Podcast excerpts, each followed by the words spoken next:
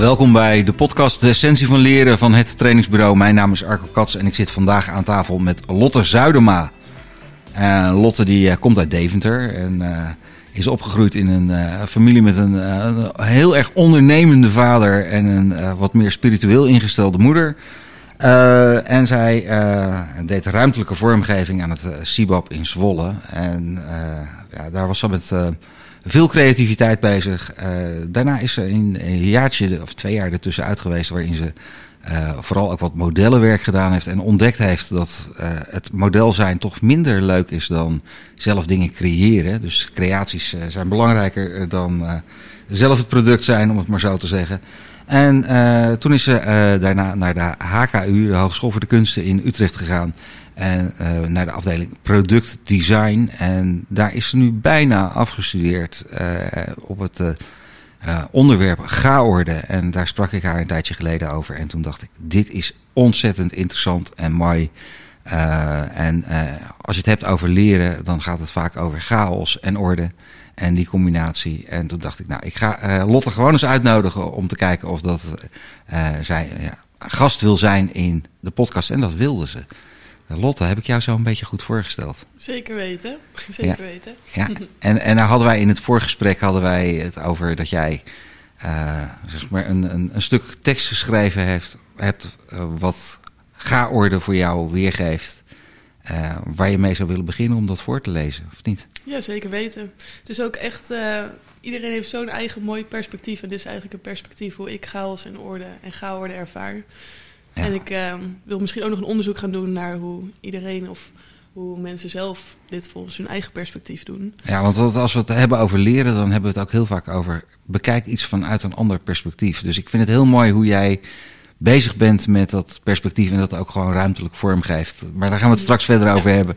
Even aan jou het woord om, uh, om dat stuk voor te lezen. Ja, uh, we beginnen bij de chaos. Chaos is een avontuur die vol zit met verrassingen. Verrassingen die je van tevoren nooit zou kunnen dromen. Zwemmen in een oneindige zee aan mogelijkheden, die je laten dwalen in een wonderlijke wereld. Die je soms, als een wervelwind, je laten zakken en dalen naar het niets weten en het niets zijn. De neerwaartse spiraal. Op een mooie zomerdag, zo helder en zo vrij, laat het je spelen in de zee aan mogelijkheden. Ontdekken van het onontdekte, voor jou, maar ook voor de ander.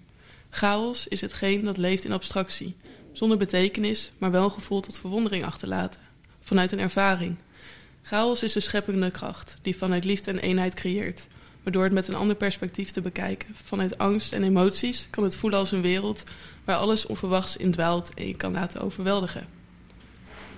Orde laat je begrijpen, plaatsen van wat iets is en voor jou betekent. Orde geeft ons een doel en een richting. Een veilige wereld waarin alles te berekenen en te voorspellen is. Een plek waar geen ruimte is voor, voor toevalligheden. Orde geeft dat lichtpuntje aan het einde van de tunnel om in de stromende veranderlijke stee sturing te geven. Een sturing vanuit bewustzijn. In duel met chaos creëert de orde een te veilige wereld waar alles is en blijft zoals het is. En alles vastgelegd wordt in structuur. Een wereld waar geen ruimte is voor ervaren van de stroom van het leven en verrassingen die de wereld voor ons in zich heeft. En een ga-orde is het samensmelten van deze polen. Creëert een dans tussen beiden die vanuit liefde en harmonie beide uitersten samenbrengt en creëert, stroomt vanuit het volledige potentieel vanuit beide. Mooi. maar ik zou eigenlijk zeggen van dat. Uh, ik ben daar eigenlijk wel een beetje stil van. Uh, hoe ben je naar, daartoe gekomen om, om zo deze twee thema's bij elkaar te pakken? Het is iets wat heel erg ontstond in het maken bij de HKU. Um, het ontstond eerst vanuit het visueel kijken vanuit, naar de wereld. Dus echt heel erg vanuit perspectief. Toen had ik daar ook een onderzoek naar gedaan. Gewoon echt vanuit de meest fysieke vorm eigenlijk. Um, en dat zag ik heel erg in weilanden. Als je daar zo langs heen gaat, met bijvoorbeeld de trein of met de auto... dan voelt het vanuit een bepaald perspectief heel erg als chaos, alsof het één vlak is. Alleen dan soms heb je dat magische punt dat het dan open gaat naar het einde van het weiland... en dan heb je de orde ertussenin zitten. Ja. En dat transformeerde zich heel erg in uh, nieuwe modelletjes van dingen die ik zelf creëerde. Maar ook in een onderzoek wat meer over um, ja, het ervaren en zo gaat. Eigenlijk de onzichtbare wereld van voelen en ook een beetje spiritualiteit. Uh, en daar ben ik eigenlijk de afgelopen twee jaar best wel heel erg uh, mee bezig geweest. Ook om het te onderzoeken, laat maar zeggen, in um, in bewustzijn, maar ook heel veel gepraat met heel verschillende mensen, waardoor dit eigenlijk op een manier samenviel in allemaal puzzelstukjes. Ja. en dit er eigenlijk uit vloeide, als het ware. En, en dat, dat, dat onderzoeken, uh, hoe, hoe start je daar dan mee? heb, je, heb je daar een bepaalde ordening in of uh, een bepaalde chaos? Of, ik heb er een beetje chaos in zitten. ja? nee, het begint bij mij echt altijd heel erg vanuit het visuele. En dan dus eigenlijk een beetje vanuit de chaos. Dus me heel erg laten overweldigen van wat zie ik om me heen. En dat vastleggen met film en met fotografie en uh, vanuit daar transformeert het heel erg uh, naar weer nieuwe modelletjes.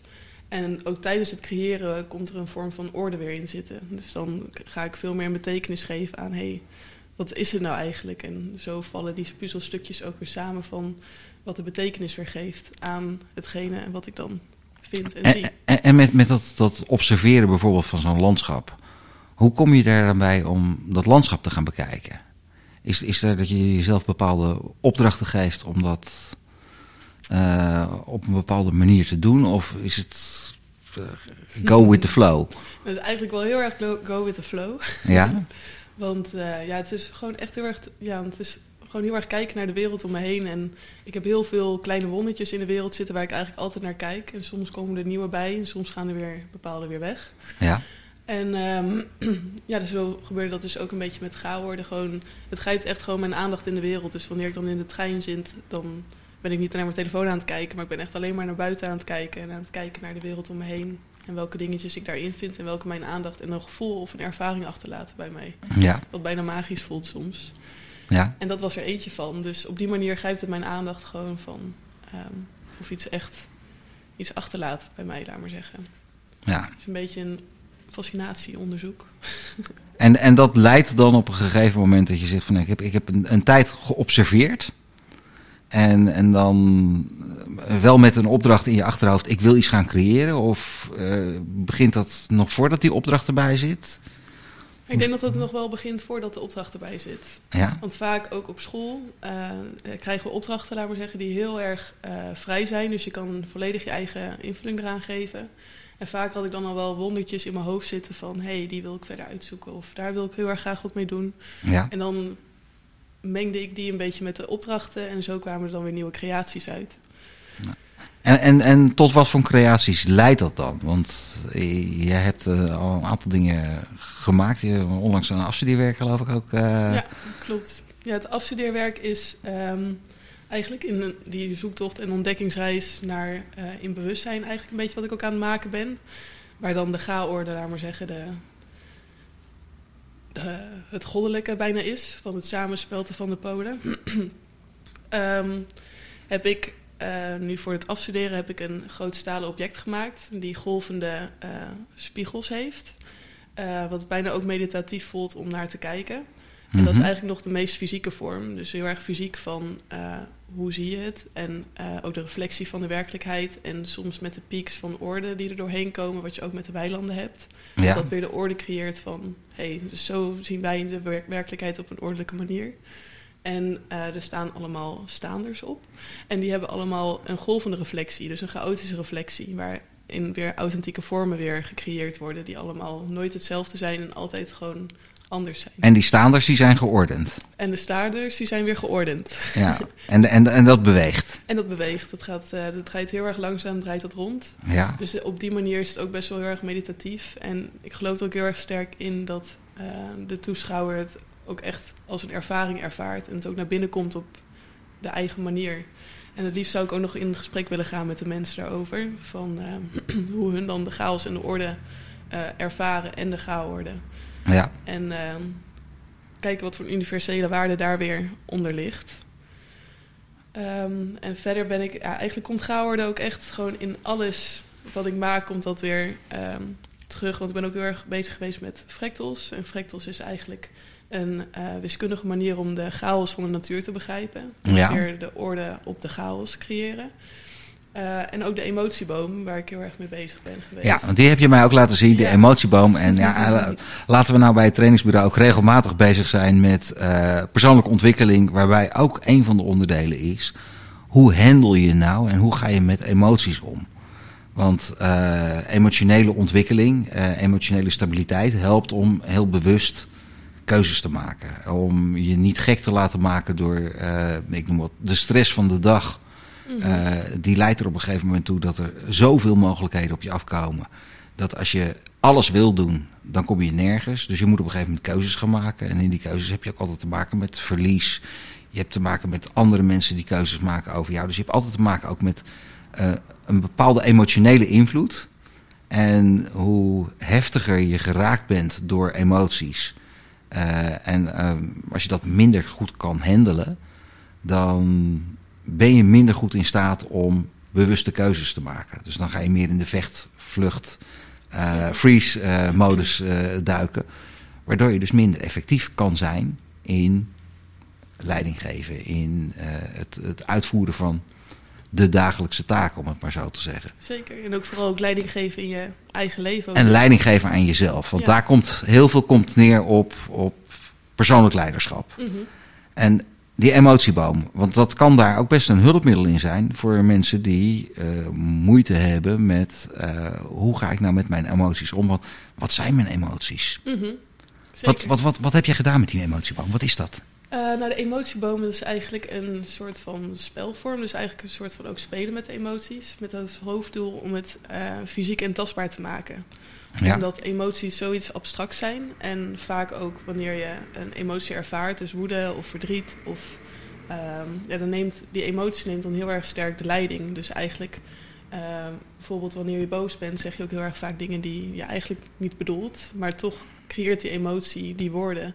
Um, en wanneer je, laat maar zeggen, bewust bent van die emotie en de emotie ook ziet, dan kun je ook uh, linkjes leggen tussen uh, waar dat in is ontstaan en wanneer je er bewustzijn in creëert. Dan overwin je eigenlijk een beetje de emotie, maar vooral ook uh, de kern die erachter zit. Ja, want ik heb, ik heb volgens mij heb ik dat van, van Jan Bommeré. Ken je Jan Bommeré? Nee. Die heeft onder andere het boek Flow geschreven. En die is heel erg bezig met het thema loslaten. Uh, en hij pakt daar over het algemeen uh, een term in: je bent niet boos, je voelt boosheid. Ja. Oftewel, de emotie, dat ben jij niet, maar de emotie stroomt door je heen. Je Mm-hmm. kan niet 24 uur per dag boos zijn.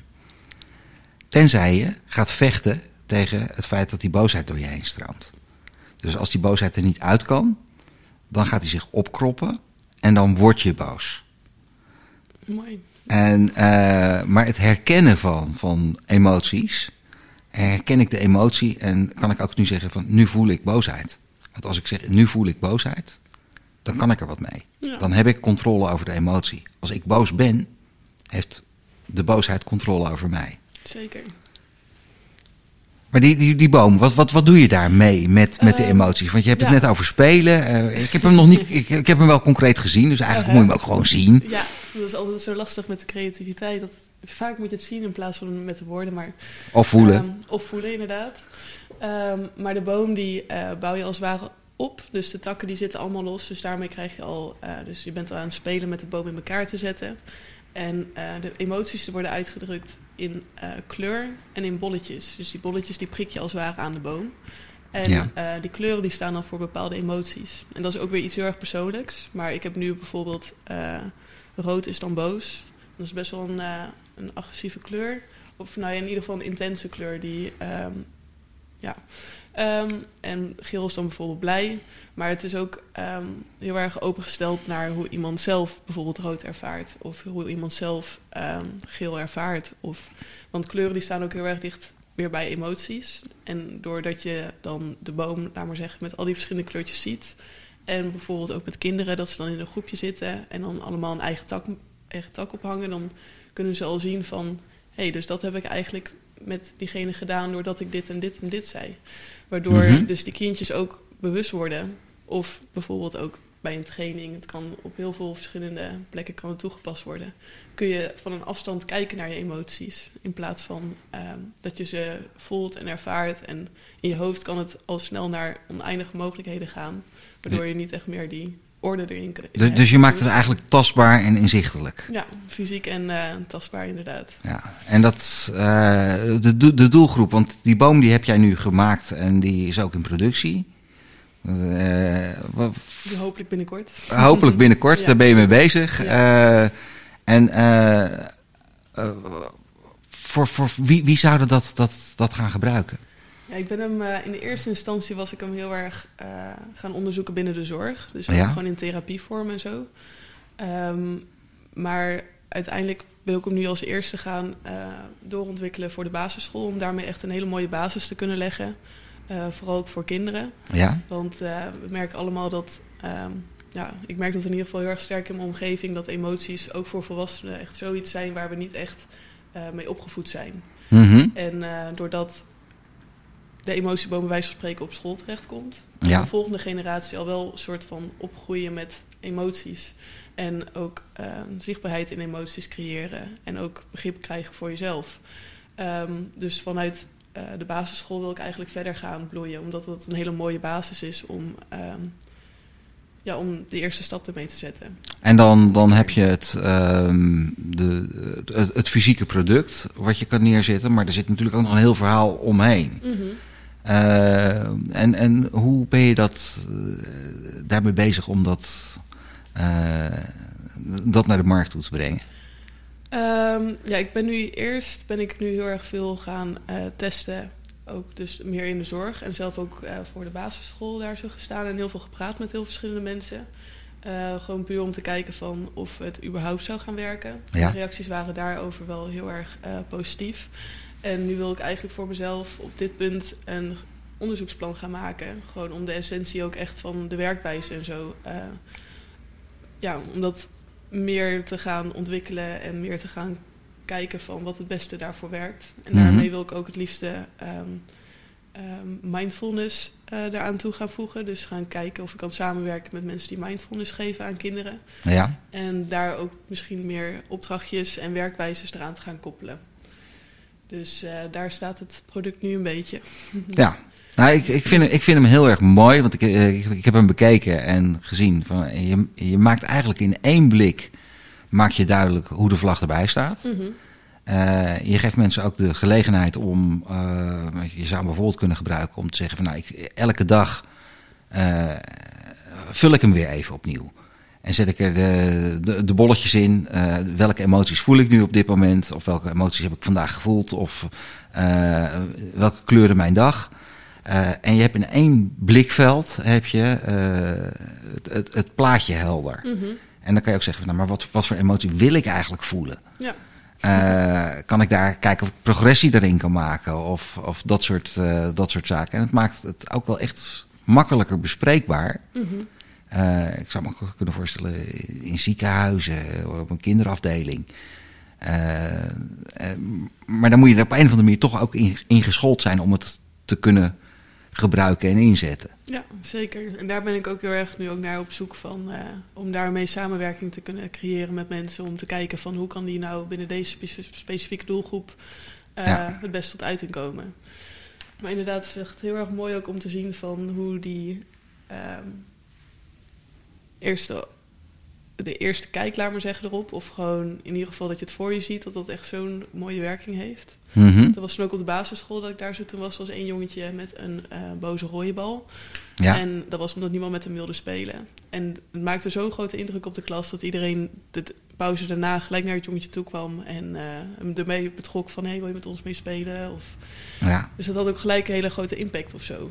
Dus dat is wel uh, heel erg mooi dat je, als je het voor je ziet, dat het dan veel meer binnenkomt. Bij de kinderen, maar kan ook bij de Ja, nou ik denk ook met name bij volwassenen eigenlijk. Ja. Want Kijk, bij kinderen die zijn meestal, de meeste, zijn redelijk open over hun emoties. Mm -hmm.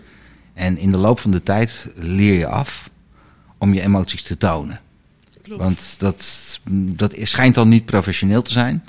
Uh, en dat is ook als je emoties niet onder controle hebt, als je er geen, geen grip op hebt, dan kan je daar niks mee. Maar als je die emoties bij je hebt, ja, dan is het op zich best wel handig als mensen dat een beetje kunnen zien. Als je zegt van nou, ik heb collega Pietje.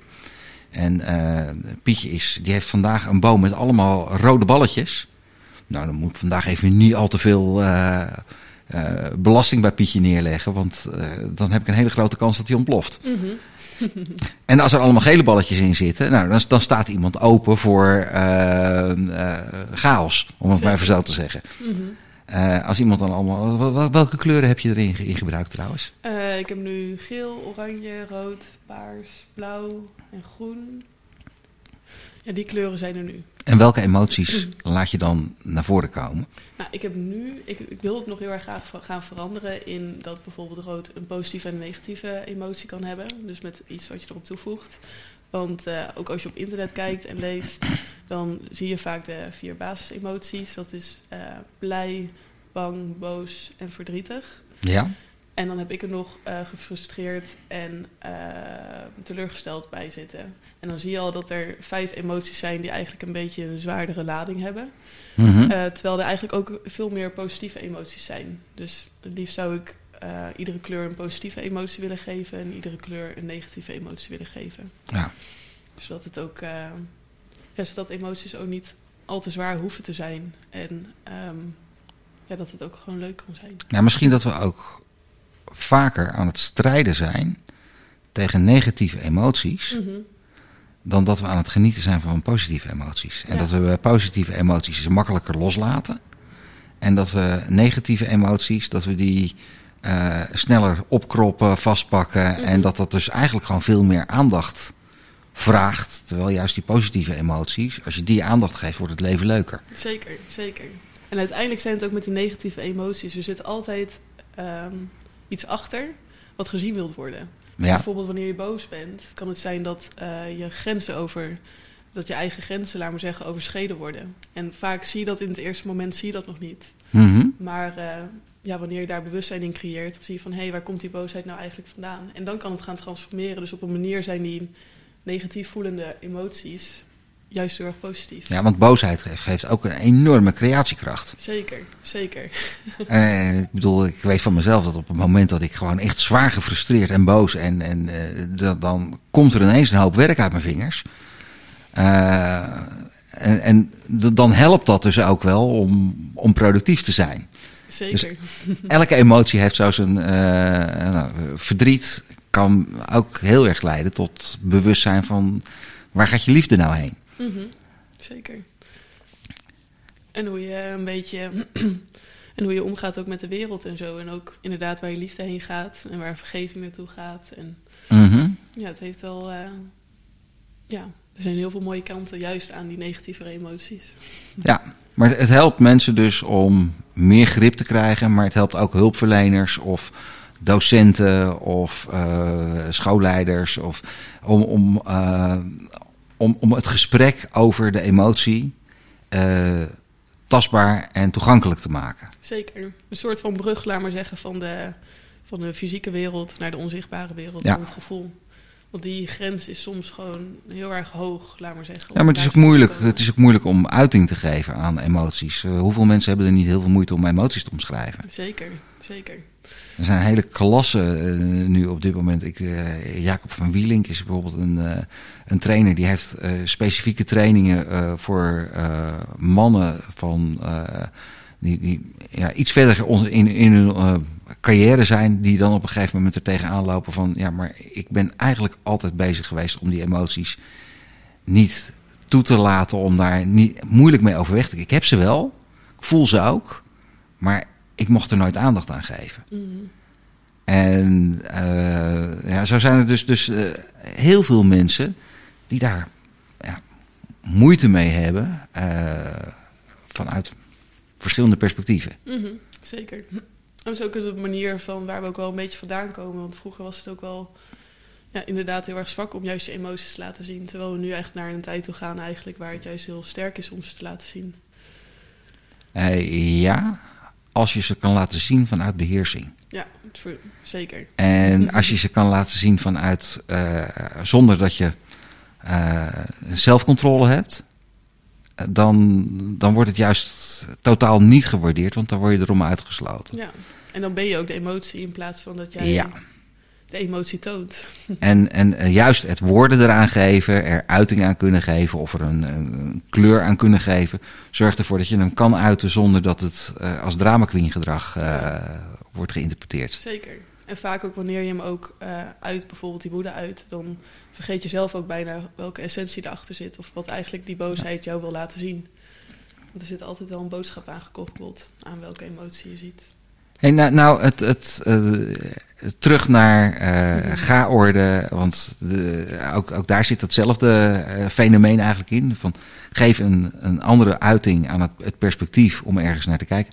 Wat, wat in jouw ogen, wat de kunsten, wat hebben die te bieden eh, aan de wereld van training, opleiding en eh, ja, waar, waarin het trainingsbureau zich begeeft?